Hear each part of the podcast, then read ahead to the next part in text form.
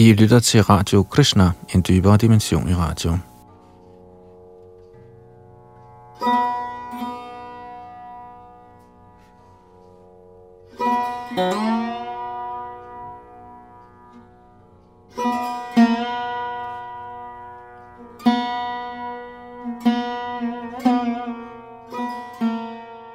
Bhagavad Gita hedder en af de vigtigste bøger fra den vediske litteratur. I Bhagavad Gita taler Herren Krishna om sig selv, om sine energier, deriblandt den materielle natur og det levende væsen, samt tiden og arbejde. Vi er i gang med en gennemgang af Bhagavad Gita ifølge en ny oversættelse til dansk, og vi slap sidste gang ved 6. kapitels tekst 44, her hvor Krishna taler om det klassiske yogasystem dhyana yoga, eller ashtanga yoga. Og her, hvor Yadunanda der sidder bag mikrofon og teknik, fortsætter vi i dag fra tekst 45.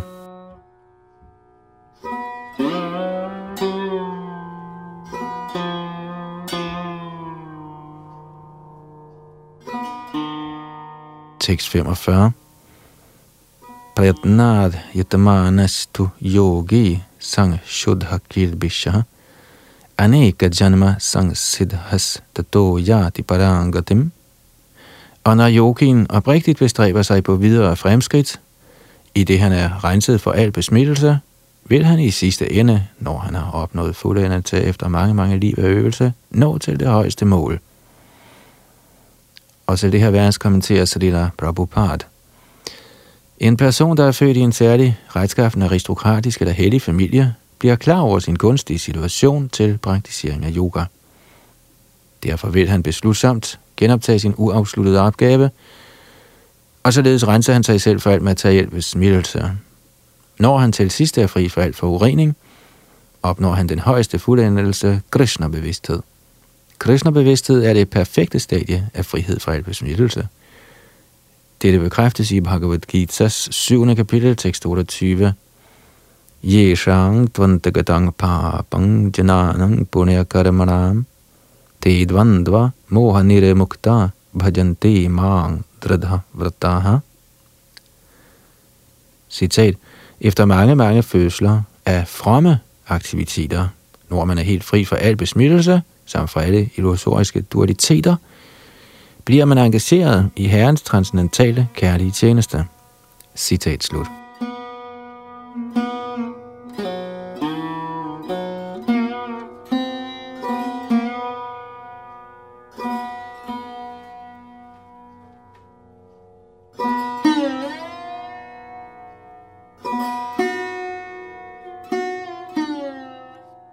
Tekst 46 Tapasvibhyo Dikho Yogi ज्ञानिभ्यो पिमतो धिकः कर्मिभ्यश्चाधिको yogi tasma yogi bhavarjuna.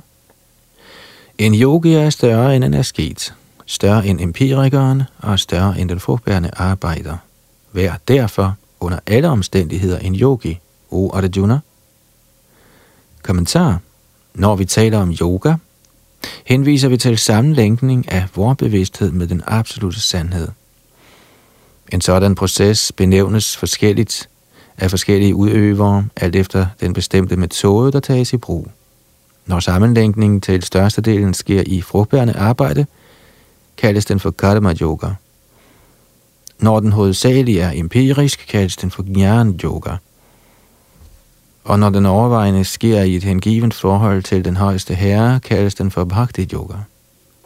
Bhakti yoga eller Krishna bevidsthed er al yogas endelige fuldendelse, som det vil blive forklaret i næste vers. Herren har her bekræftet yogans overlegenhed, men han har ikke nævnt, at den er bedre end Bhakti Yoga. Bhakti Yoga er fuldkommen åndelig viden, og derfor kan intet overgå den. Askese uden viden om selvet er ukomplet. Empirisk viden uden overgivelse til den højeste herre er også ukomplet. Og frugtbærende arbejde uden Krishna-bevidsthed er spild af tid. Derfor er den mest lovpriste form for yoga, der nævnes her, Bhakti Yoga, og dette vil blive mere klart uddybet i det næste vers.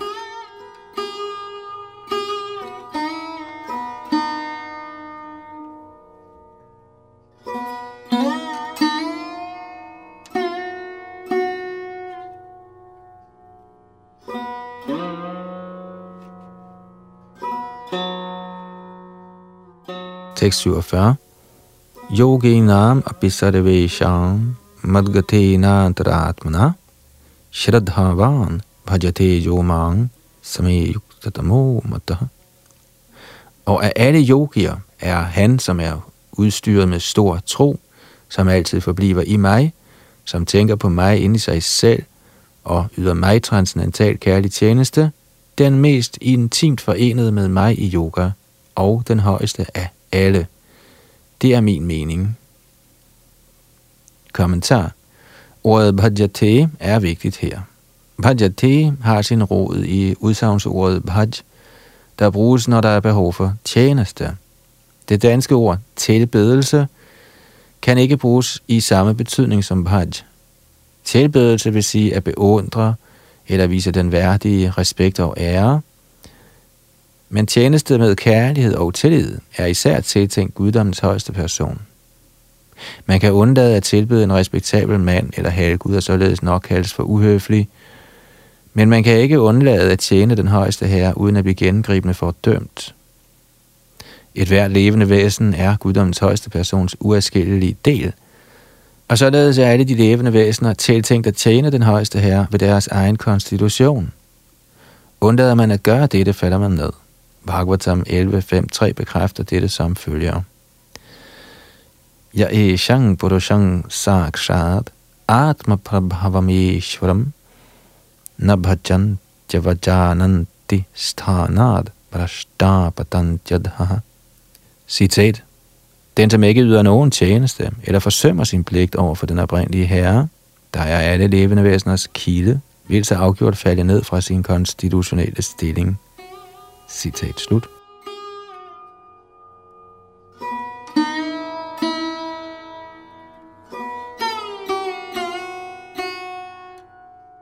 I dette vers bliver også ordet bhajanti brugt.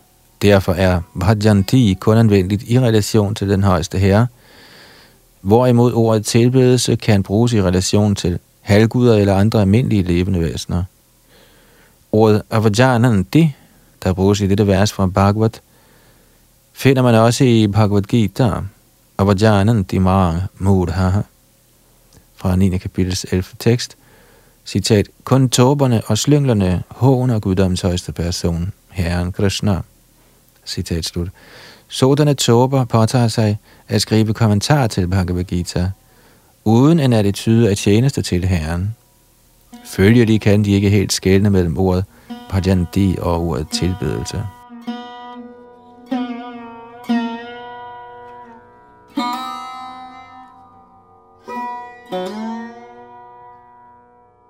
Kulminationen på al slags yogaaktivitet ligger i bhakti yoga.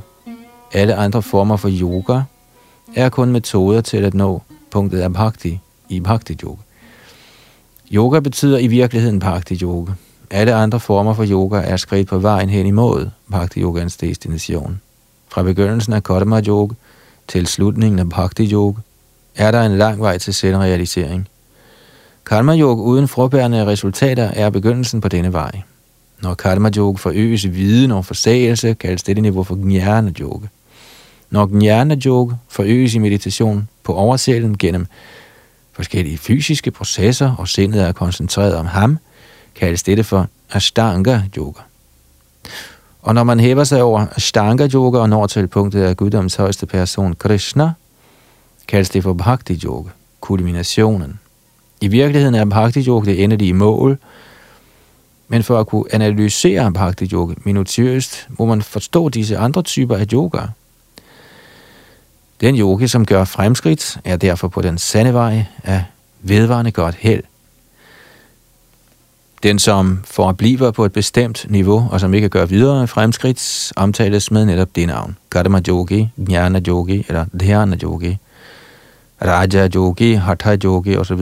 Er man heldig nok til at nå til punktet af Bhakti Yoga, skal det forstås, at man har overgået alle andre typer yoga – Derfor er det at blive kristnebevidst yogans øverste niveau, ligesom vi, når vi taler om Himalaya, henviser til verdens højeste bjerge, hvor er højdepunktet Mount Everest regnes for kulminationen.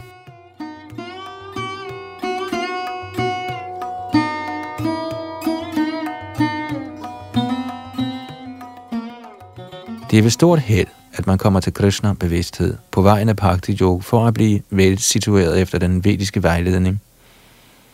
Den ideelle yogi samler sin opmærksomhed om Krishna, der kaldes for Sham Sundara, der er lige så smukt farvet som en sky, hvis lotuslignende ansigt er lige så skinnende som solen, hvis påklædning er strålende med juveler, og hvis lægeme er begrænset med blomster.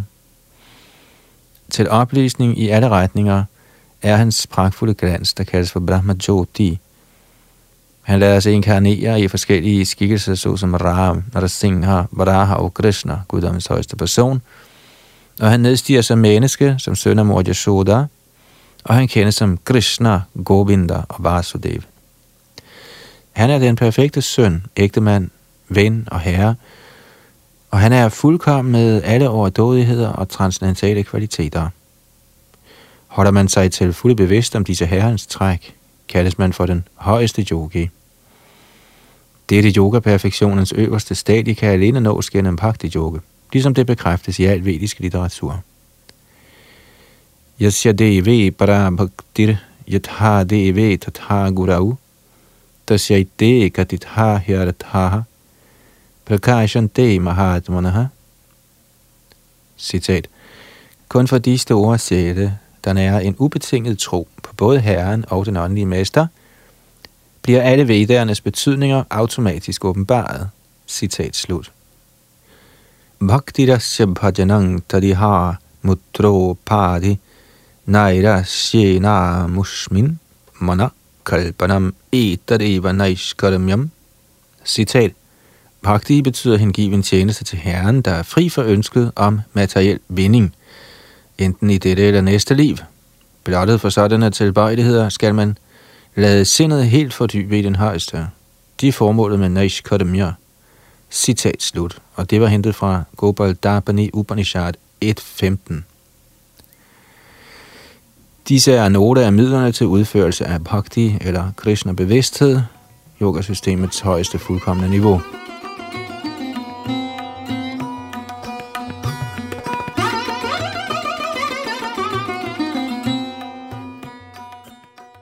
Således ender Bhakti Vedanta kommentarerne til Srimad Bhagavad Gita's 6. kapitel med titlen Dhyana Yoga.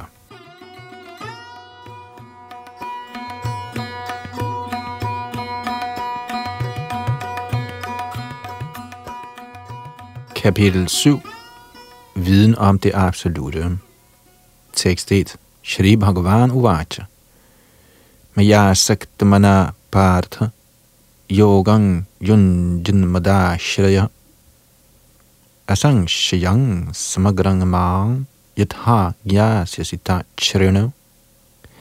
Guddoms højeste person sagde, Hør nu, o Pratars søn, hvordan du ved at udføre yoga i fuld bevidsthed om mig, med sindet festet på mig, kan kende mig til fulde uden nogen form for tvivl. Kommentar. I dette Bhagavad Gita 7. kapitel bliver naturen af Krishna-bevidsthed beskrevet til fulde. Krishna er uindskrænket i alle overdådigheder, og hvordan han manifesterer disse overdådigheder beskrives her. Fire slags heldige mennesker, der bliver knyttet til Krishna, og fire slags uheldige mennesker, der aldrig vender sig imod Krishna, beskrives også i dette kapitel. I Bhagavad Gita's første seks kapitler er det levende væsen blevet beskrevet som en ikke-materiel åndelig sjæl, der kan ophøje sig til selvrealisering gennem forskellige slags yogaer. I slutningen af 6. kapitel bliver det slået klart fast, at den vedholdende koncentration af sindet på Krishna, eller med andre ord, Krishna bevidsthed, er den højeste form for yoga. Ved at koncentrere sindet om Krishna, kan man forstå den absolute sandhed til fulde, og det der altså ikke gøre på nogen anden måde. Erkendelse af den upersonlige Brahmajoti, eller den lokaliserede Brahmatma, er ikke fuldstændig viden om den absolute sandhed, for det er kun delvis erkendelser. Fuldstændig og videnskabelig kundskab er Krishna, og alt bliver afsløret for en person i Krishna-bevidsthed. Når man er i fuldstændig Krishna-bevidsthed, ved man hinsides enhver tvivl, at Krishna er den højeste viden. De forskellige former for yoga er kun skridt på vejen til Krishna-bevidsthed. Den, der beskæftiger sig med Krishna-bevidsthed, får automatisk fuld kendskab til både Brahma Jyoti og Brahmatma – ved at udøve Krishna-bevidst yoga, kan man forstå alting helt og fuldt, nemlig den absolute sandhed, de levende væsener, den materielle natur, og deres manifestationer med alt, hvad sig dertil hører.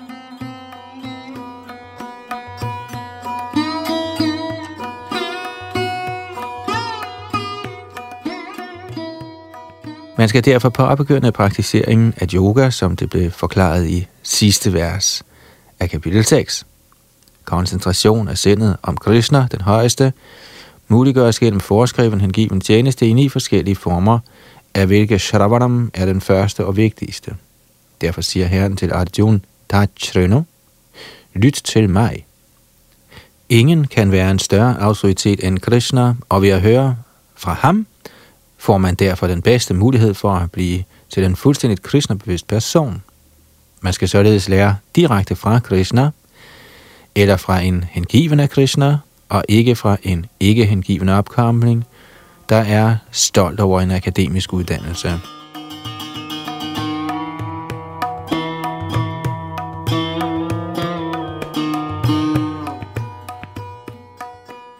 I Srimad Bhagavats første bog andet kapitel bliver denne metode til forståelse af Krishna, guddommens højeste person, den absolute sandhed, beskrevet som følger.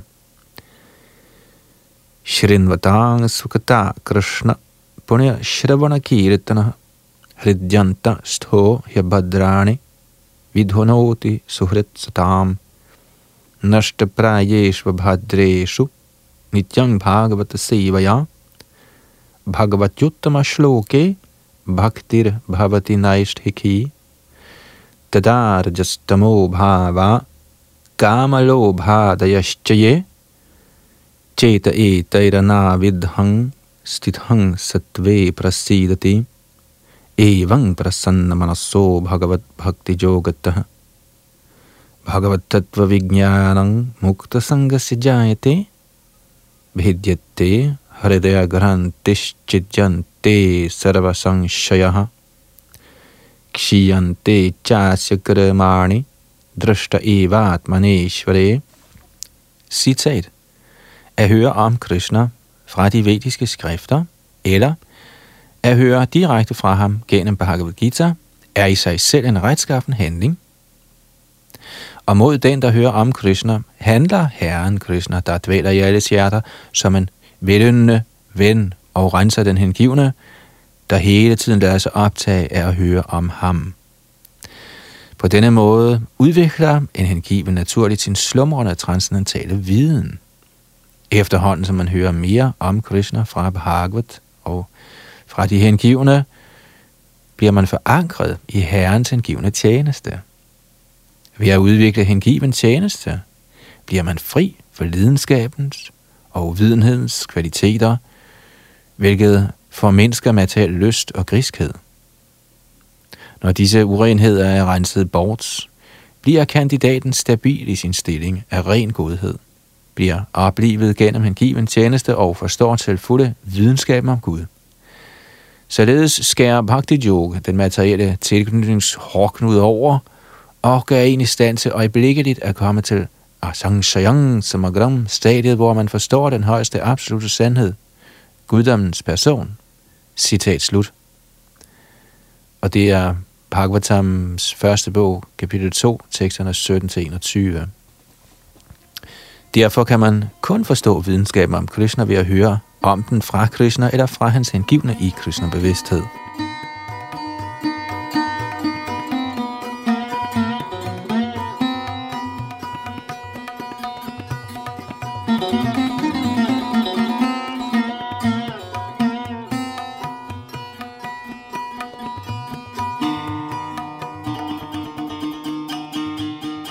Tekst 2. Gyanang de hang savigyanam idang vakshyamya sheshata yajñatva niha bhujonyaj jnatavyam avashishyate. Jeg skal nu til fulde forklare denne viden for dig, både fysisk og åndelig. Når du ved dette, er der intet mere for dig at vide. Kommentar. Fuldstændig viden omfatter viden om den manifesterede verden, bevidstheden bag den og kilden til dem begge. Det er transcendental viden. Herren ønsker at forklare det ovennævnte kundskabssystem, fordi Arjuna er Krishnas fortrolige, hengivne og ven. I begyndelsen af fjerde kapitel bliver denne forklaring givet af Herren, og den bliver bekræftet her igen. Fuldstændig viden kan kun fås fra Herrens hengivne, der kommer i en disciplerække direkte fra Herren. Man må derfor være begavet nok til at forstå, hvor al viden kommer fra, og hvem der er alle årsagers årsag, og den eneste genstand for meditation i alle former for yoga. Når man kender alle årsagers årsag, bliver alt, der kan vides, forståeligt, og intet forbliver ukendt. Ifølge Vedderne, Mundaka Upanishad 1.1.3, Kasmin ubhagavo vigyate sarvamidang vigyatang bhavati.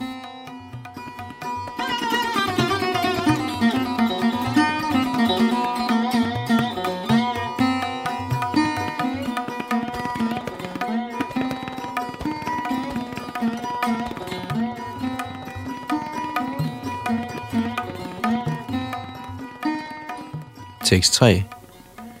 Manushyanang sahasreshu kashchid yatati siddhaye yatatam apisiddhanang kaschin mang veti. Blandt mange tusinder af mennesker er der muligvis en, der efterstræber fuldkommenhed. Og af dem, der har opnået fuldkommenhed, er der dårlig en, der virkelig kender mig. Kommentar der er forskellige grader af mennesker, og ud af mange tusind er der muligvis en, der er tilstrækkeligt interesseret i transcendental indsigt til at forsøge at forstå, hvad selvet er, hvad kroppen er, og hvad den absolute sandhed er. Generelt er menneskeheden simpelthen optaget af dyriske tilbøjeligheder, såsom at spise, sove, parre sig og forsvare sig, og så godt som ingen er interesseret i transcendental viden. De første seks kapitler i Gitaen henvender sig til dem, som er interesseret i transcendental viden, i at forstå selvet, overselvet og erkendelsesprocessen gennem Gyan Yoga og Dhyan Yoga, og i at kunne adskille selvet fra det fysiske stof. Krishna kan imidlertid kun forstås af personer, som er Krishna-bevidste. Andre transcendentalister kan muligvis nå til upersonlig Brahman indsigt, for det er lettere end at forstå Krishna. Krishna er den højeste person, men han er samtidig hinsides kundskaben om Brahman og Paramatma. Yogierne og gjernierne forvirres i deres forsøg på at forstå Krishna. Selvom den mest betydningsfulde af upersonlighedsstyrkerne, Shripad Shankaracharya, i sin Gita-kommentar har medgivet, at Krishna er guddommens højeste person, anerkender hans tilhænger ikke Krishna som så, fordi det er meget vanskeligt at forstå Krishna, selvom man har transcendental indsigt i den upersonlige Brahman.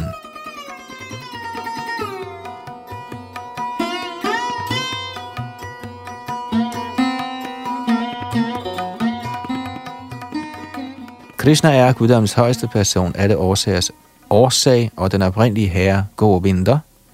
Ishara Parama Krishna Satchidananda Vigraha Anadiradir Govinda Sarvakarana Karanam. Det er meget vanskeligt for de ikke hengivne at forstå ham. Skønt de ikke hengivne hævder, at bhakti yoga eller den hengivne tjenestes vej, er meget nem, kan de ikke følge den. Hvis bhakti yoga metoden er så let, som den ikke hengivne klasse af mennesker hævder det, hvorfor vælger de så den besværlige vej? I virkeligheden er bhaktiens vej ikke let. Den såkaldte pagtivej, der bliver udøvet af uautoriserede personer uden viden om pagti, er måske nem, men når der virkelig skal praktiseres i overensstemmelse med regler og forskrifter, falder de grublende lærte og filosofer fra. Srila Rupa Goswami skriver i sin Bhaktita Rasamrita Sindhu 1.201 Shruti Smriti Puranadi Pancharatra Vidhing Vina Ahaitiki Harer Bhaktir Utpata Yaiva Kalpate Citat Gud hengiven tjeneste, der lader hånd om de autoriserede vediske skrifter som Upanishader, Purana og Narad Pancharatra, er blot en unødig forstyrrelse i samfundet. Citat slut.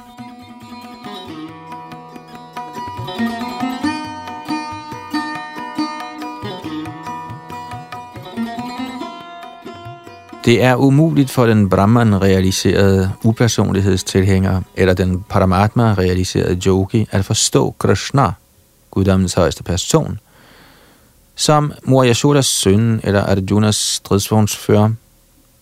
Selv de mægtige halvguder bliver under tiden forvirret over Krishna. Muhyanti Mang du vedana Krishna. Ingen kender mig, som jeg er, erklærer Herren. Og skulle nogen kende ham, så Smahatma Sudurabha. En sådan stor sjæl er meget sjælen.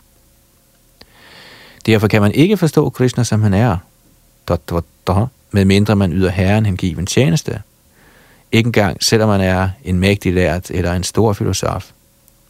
Kun de rene hengivne kan vide noget om Krishnas ufattelige transcendentale egenskaber, som for eksempel, hvordan han er alle årsagers årsag, hans almagt og overdådighed, og hans rigdom, hans berømmelsestyrke, hans skønhed, hans viden over forsagelse, eftersom Krishna er velvilligt indstillet over for sine hengivne. Han er det sidste ord i Brahman-indsigt, og de hengivne er de eneste, der kan kende ham, som han er.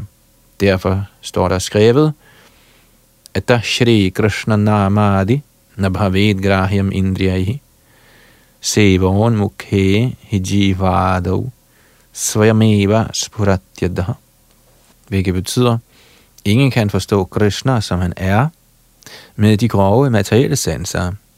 Men han afslører sig selv for sine hengivne, når han er fornøjet med dem på grund af deres transcendentale kærlighedstjeneste til ham. Og det er fra Bhaktita Samrita Sindhu, bog 1, kapitel 2, vers 234.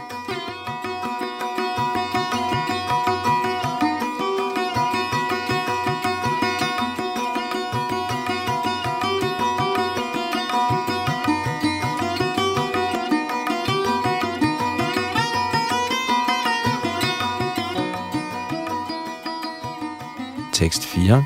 Bhumira Bonalo vayu kangamano buddhirevacha ahankara iti yangame bhinna prakritir ashtadha Jord, vand, ild, luft, æder, sind, intelligens og falsk ego. Alt i alt udgør disse otte til sammen mine adskilte materielle energier. Kommentar. Videnskaben om Gud analyserer Gud og hans forskellige energiers naturlige position. Som beskrevet i Narad Pancharatra, der er en af Sattvata tantraerne, bliver den materielle natur betegnet som prakriti eller herrens energi, der udfoldes gennem hans forskellige purush-inkarnationer eller udvidelser. Vishnos stutrini rupani purusha khyanyatho viduhu ekang tumahata srashtre dvitiyang tvarnda sangsthitam tritiyang sarvabhuta sthang dani gyatva vimuchate. Citat. Med henblik på materiel skabelse antager Herren Krishnas fuldstændige ekspansion tre Vishnu-former. Den første, Mahavishnu, skaber den totale materielle energi, der kaldes Mahatattva. Den anden, Garbhodakshai Vishnu, træder ind i hvert enkelt univers for at skabe diversitet i det. Den tredje, Kirodakshaya Vishnu, har udbredt sig som den algennemtrængende oversæl i alle universerne og kaldes Padam Atma. Han er en aftalt sted inde i hvert eneste atom. Alle, der kender disse tre Vishnuer, kan blive befriet fra materiel indvikling. Citat slut.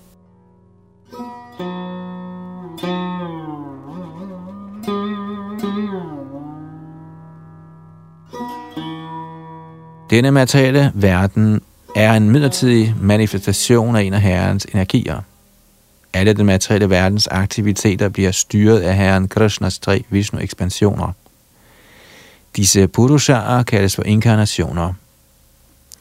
Normalt går den, som ikke forstår videnskaben om Gud, Krishna, ud fra, at denne materielle verden er til for de levende væseners fornøjelses skyld, samt at de levende væsener er purushaer det vil sige årsager til, hersker over og nyder af den materielle energi. Ifølge Bhagavad Gita er denne ateistiske konklusion forkert. I det aktuelle vers bliver det slået fast, at Krishna er den oprindelige årsag til denne materielle manifestation. Dette bekræftes også i Srimad Bhagavatam. Den materielle manifestations ingredienser er Herrens adskilte energier. Selv Brahma Jyoti, der er det endelige mål for upersonlighedsstyrkerne, er en åndelig energi, der kommer til udtryk i den åndelige sfære. I Brahmjoti er der ingen åndelig mangfoldighed, som på Vaikuntha-lokarerne, og alligevel accepterer upersonlighedsstyrkerne denne Brahmjoti som det endelige, evige mål. Paramatma, manifestationen, er også et midlertidigt altgennemtrængende aspekt af Kirodaksha i Vishnu. Paramatma er ikke en evig manifestation i den åndelige verden. Den absolute sandhed er derfor i virkeligheden Guddoms højeste person, Krishna. Han er den fuldstændigt energiske person, og han besidder forskellige adskilte og indre energier.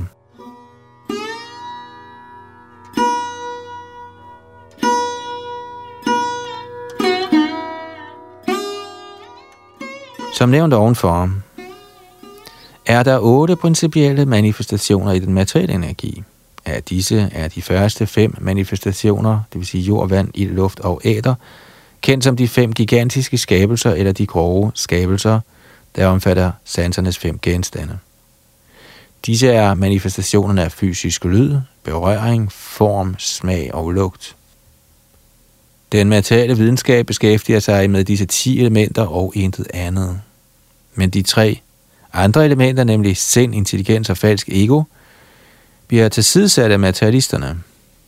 Filosofer, der beskæftiger sig med mentale aktiviteter, har heller ikke fuldstændig viden, fordi de ikke har nogen viden om den endelige kilde til alt, Krishna. Det falske ego, der kommer til at udtrykke i form af jeg er, og det er mit, og som er det grundlæggende princip for materiel eksistens, omfatter 10 sanseorganer, der er beregnet til materielle handlinger. Intelligens refererer til den totale materielle skabelse, der kaldes Mahatattva. Fra Herrens otte adskilte energier manifesteres derfor den materielle verdens 24 elementer, som er genstanden for diskussion i den ateistiske Sankhya-filosofi. De er oprindeligt udløbere fra Krishnas energier og er adskilt fra ham, men de ateistiske Sankhya-filosofer ved med deres ringe viden ikke, at Krishna er alle årsagers årsag. Emnet i Sankhya-filosofien er kun manifestationen af Krishnas ydre energi, sådan som den beskrives i Bhagavad Gita.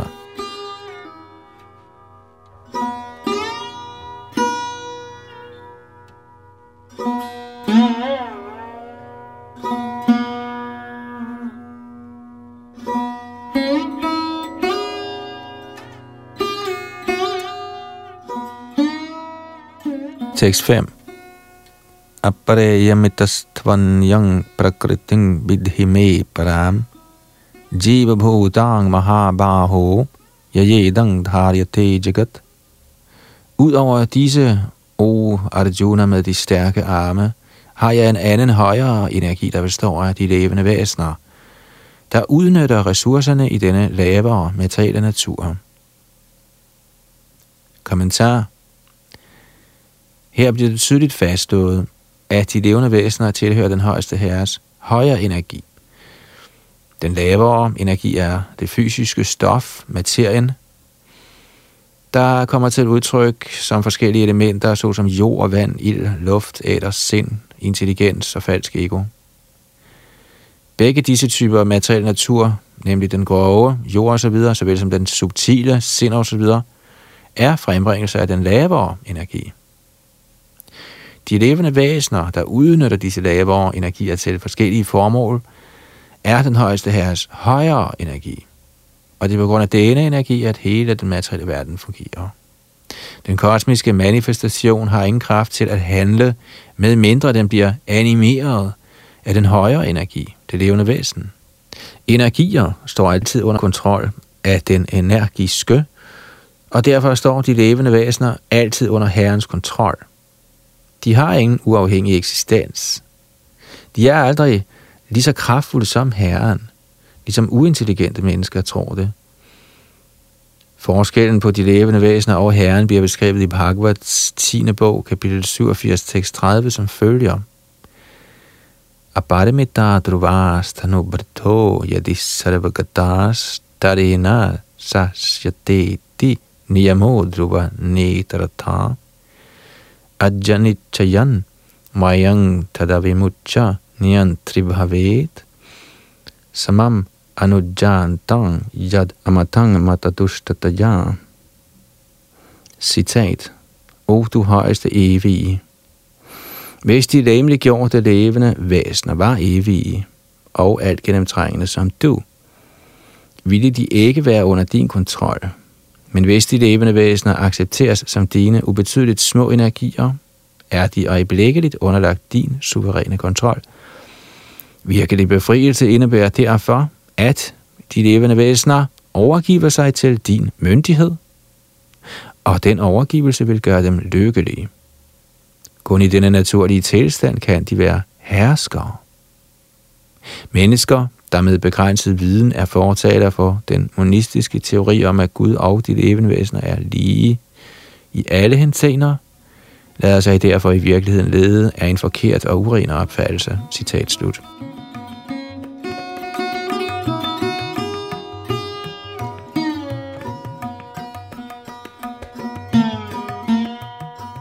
Den højeste herre, Krishna, er den eneste hersker, og alle levende væsener bliver behersket af ham. Disse levende væsener er hans højere energi, fordi kvalitetsmæssigt er deres eksistens et med den højeste. Men med hensyn til størrelse og kapacitet, kan de på intet tidspunkt måle sig med Herren.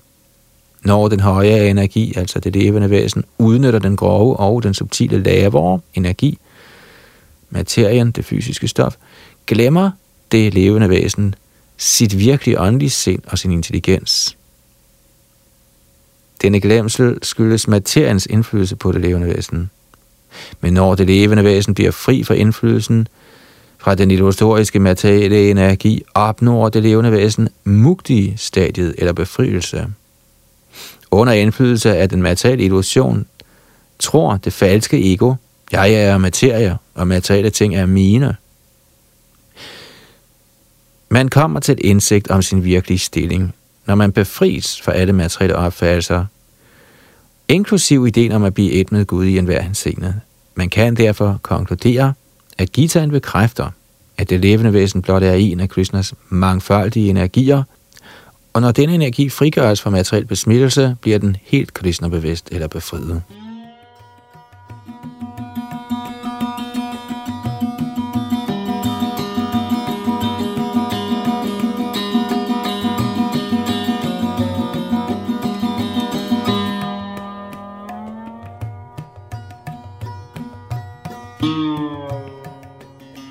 66.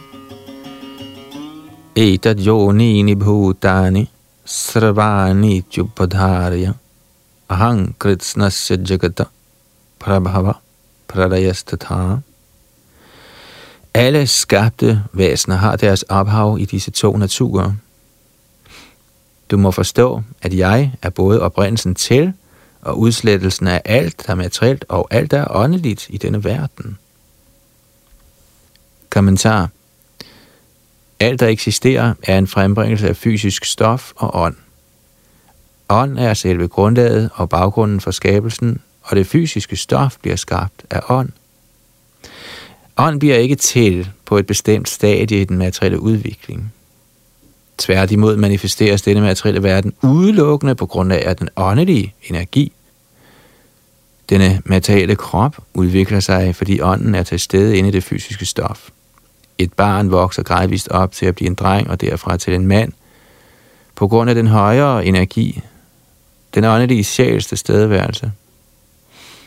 På samme måde bliver hele det gigantiske univers, kosmiske manifestation, udviklet på grund af oversjælen, Vishnus tilstedeværelse. Derfor er ånd og det fysiske stof, der kombinerer sig og derved manifesterer denne gigantiske kosmiske skikkelse – Oprindeligt to af Herrens energier, og følgelig er Herren den oprindelige årsag til alt. En fragmentarisk, uadskillig del af Herren, det vil sige det levende væsen, kan være årsag til en stor skyskraber, en stor fabrik eller selv en stor by. Men han kan ikke være årsag til et stort univers. Årsagen til det store univers er den store sjæl eller oversjælen, og Krishna den højeste er årsag til både de store og små sjæle.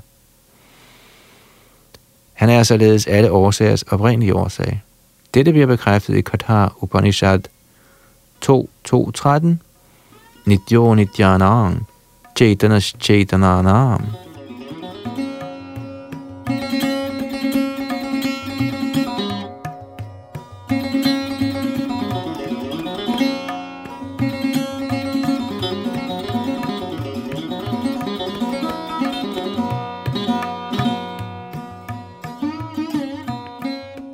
Tekst 7.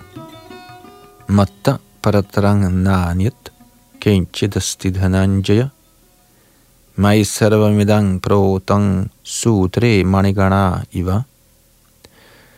O du vinder af rigdomme, der findes ingen sandhed, som er højere end jeg. Alt hviler på mig som perler på en snor. Kommentar. Et almindeligt stridsspørgsmål er, hvorvidt den højeste absolute sandhed er personlig eller upersonlig. Hvad Bhagavad Gita angår, er den absolute sandhed guddommens person Shri Krishna, hvilket bekræftes hele vejen igennem. Især i dette vers bliver det understreget, at den absolute sandhed er en person.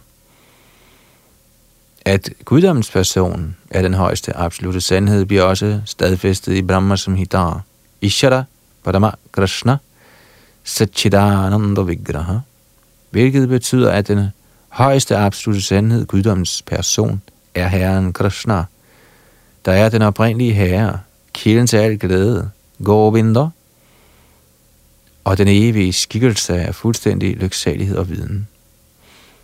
Disse autoriteter efterlader ingen tvivl om, at den absolute sandhed er den højeste person, er det årsagers årsag.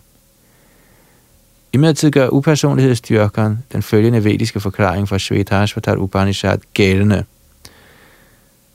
Tato yad uttaratarang tadarupam anamayam ya etad viduramrtaste bhavanti athetare dukham evapyanti. Citat. I den materielle verden anses Brahma, det oprindelige levende væsen inden for universet, for at være den højeste blandt halvguder, mennesker og læger og dyr. Men bag Brahma findes transcendensen, der er uden materiel form og fri for alle materielle besmittelser. Alle, der kender ham, bliver også transcendentale, men de, der ikke kender ham, er underkastet den materielle verdens lidelser. Citat slut.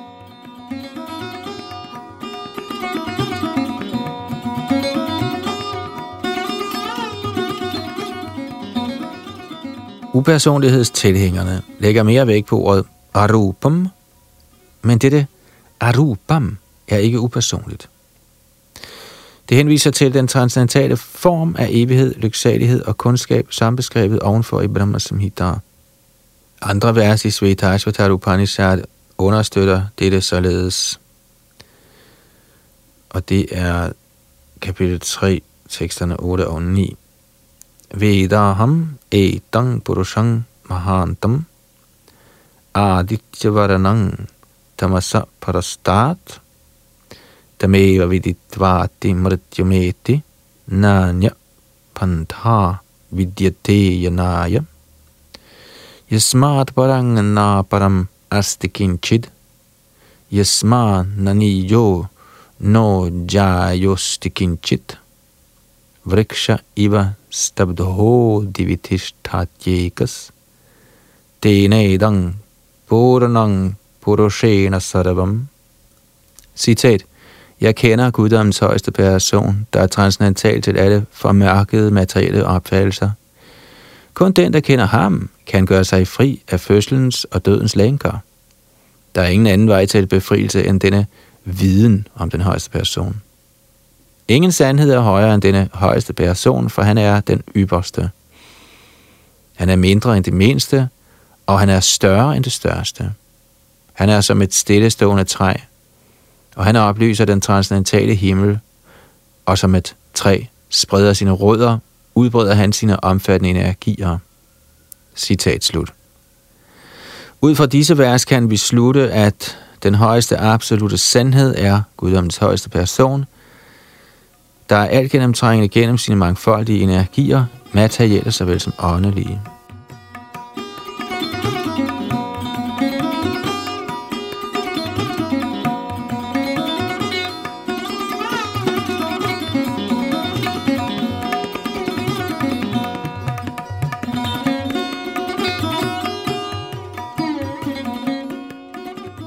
Tekst 8.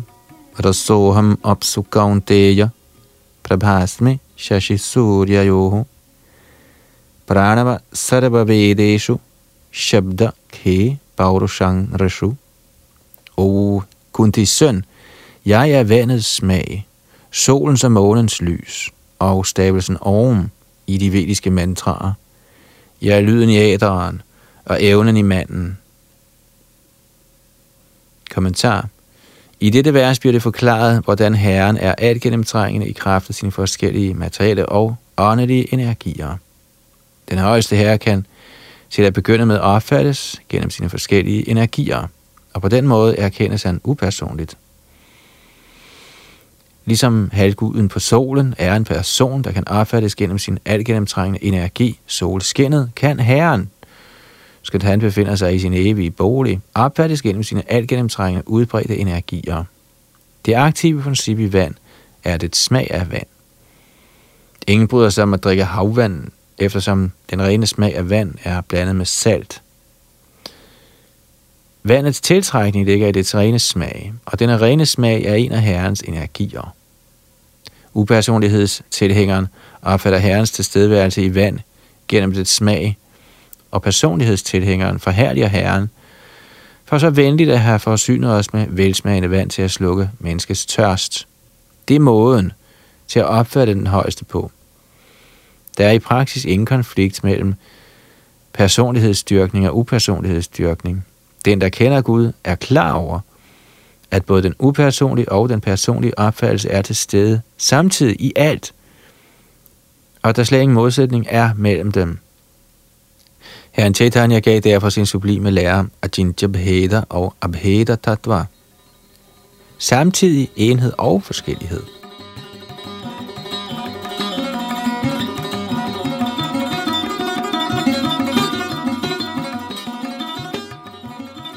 Lyset fra solen og månen udspringer også oprindeligt fra Brahman Jyoti, der er herrens upersonlige stråleglans.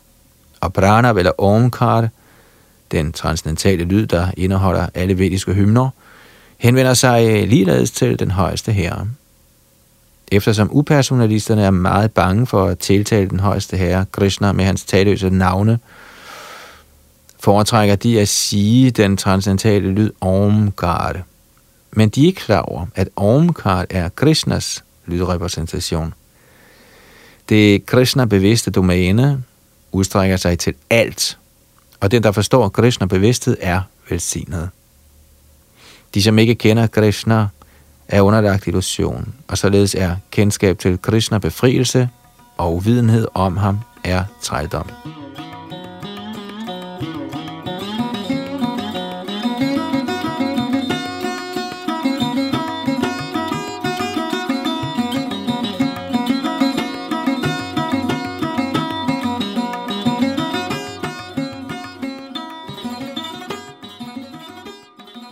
Tekst 9. Punyo gandha prathivyangcha tejaschasmi vibhavasau jivanang sarvabhuteshu tapaschasmi tapasvishu. Jeg er jordens oprindelige duft, og jeg er ildens varme. Jeg er livet i alt, der lever, og jeg er alle asketers bodsøvelser. Kommentar. Punya betyder det, der ikke er gået i forrådnelse. Punya betyder oprindeligt. Alt i den materielle verden har en vis aroma eller duft, som aromaen og duften i en blomst eller i jorden, i vand, i ild, i luft osv. Den rene duft, den oprindelige aroma, der gennemtrænger alt, er Krishna. På samme måde har alt en vis oprindelig smag, og denne smag kan ændres ved iblanding af kemikalier. Så alt, der oprindeligt har en vis lugt, duft og smag. Vibhavasu betyder ild. Uden ild kan vi ikke drive fabrikker, vi kan ikke lave mad osv. Og den ild er Krishna. Varmen i ilden er Krishna. Ifølge den vediske lægevidenskab skyldes dårlig fordøjelse en for lav temperatur i maven. Så selv for at fordøje er det nødvendigt med ild. I Krishna-bevidsthed bliver vi klar over, at jord, vand, ild, luft og alle aktive principper, kemikalier og materielle elementer skyldes Krishna. Et menneskes levetid afhænger også af Krishna. Derfor kan mennesket ved Krishnas nåde enten forlænge eller forkorte sit liv. Krishna-bevidsthed berører således alle områder.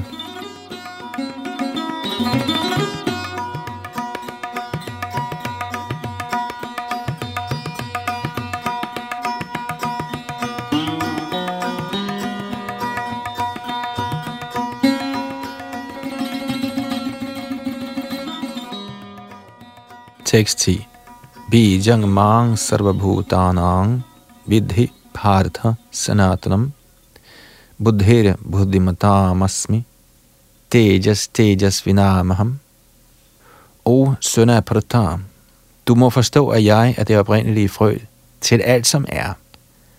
Den begavedes begavelse og alle stærke menneskers styrke. Kommentar. Bijam betyder frø. Krishna er frøet til alt.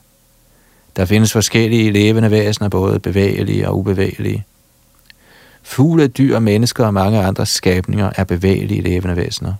Træer og planter er imidlertid ubevægelige. De kan ikke bevæge sig, men kun stå stille. Hver eneste skabning er inkluderet i 8,4 millioner arter af liv. Nogle af dem er bevægelige og andre ubevægelige.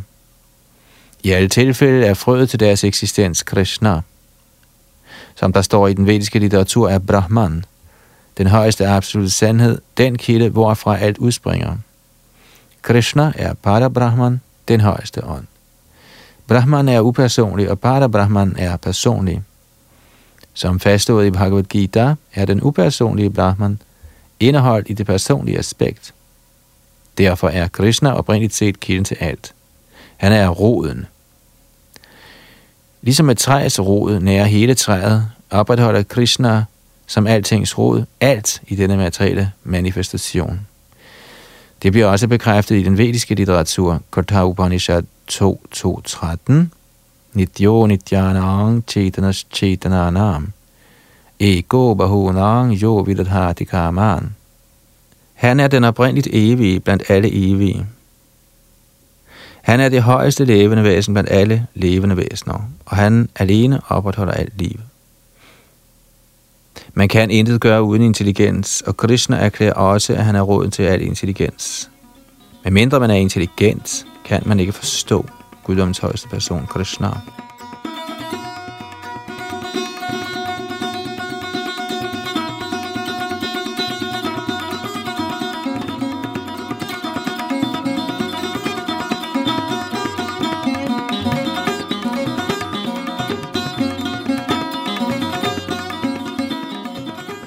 Det var så tekst nummer 10 her i Bhagavad Gita 7. kapitel, som vi går videre med næste omgang, vi kigger i Bhagavad Gita, i vores næste Bhagavad Gita time.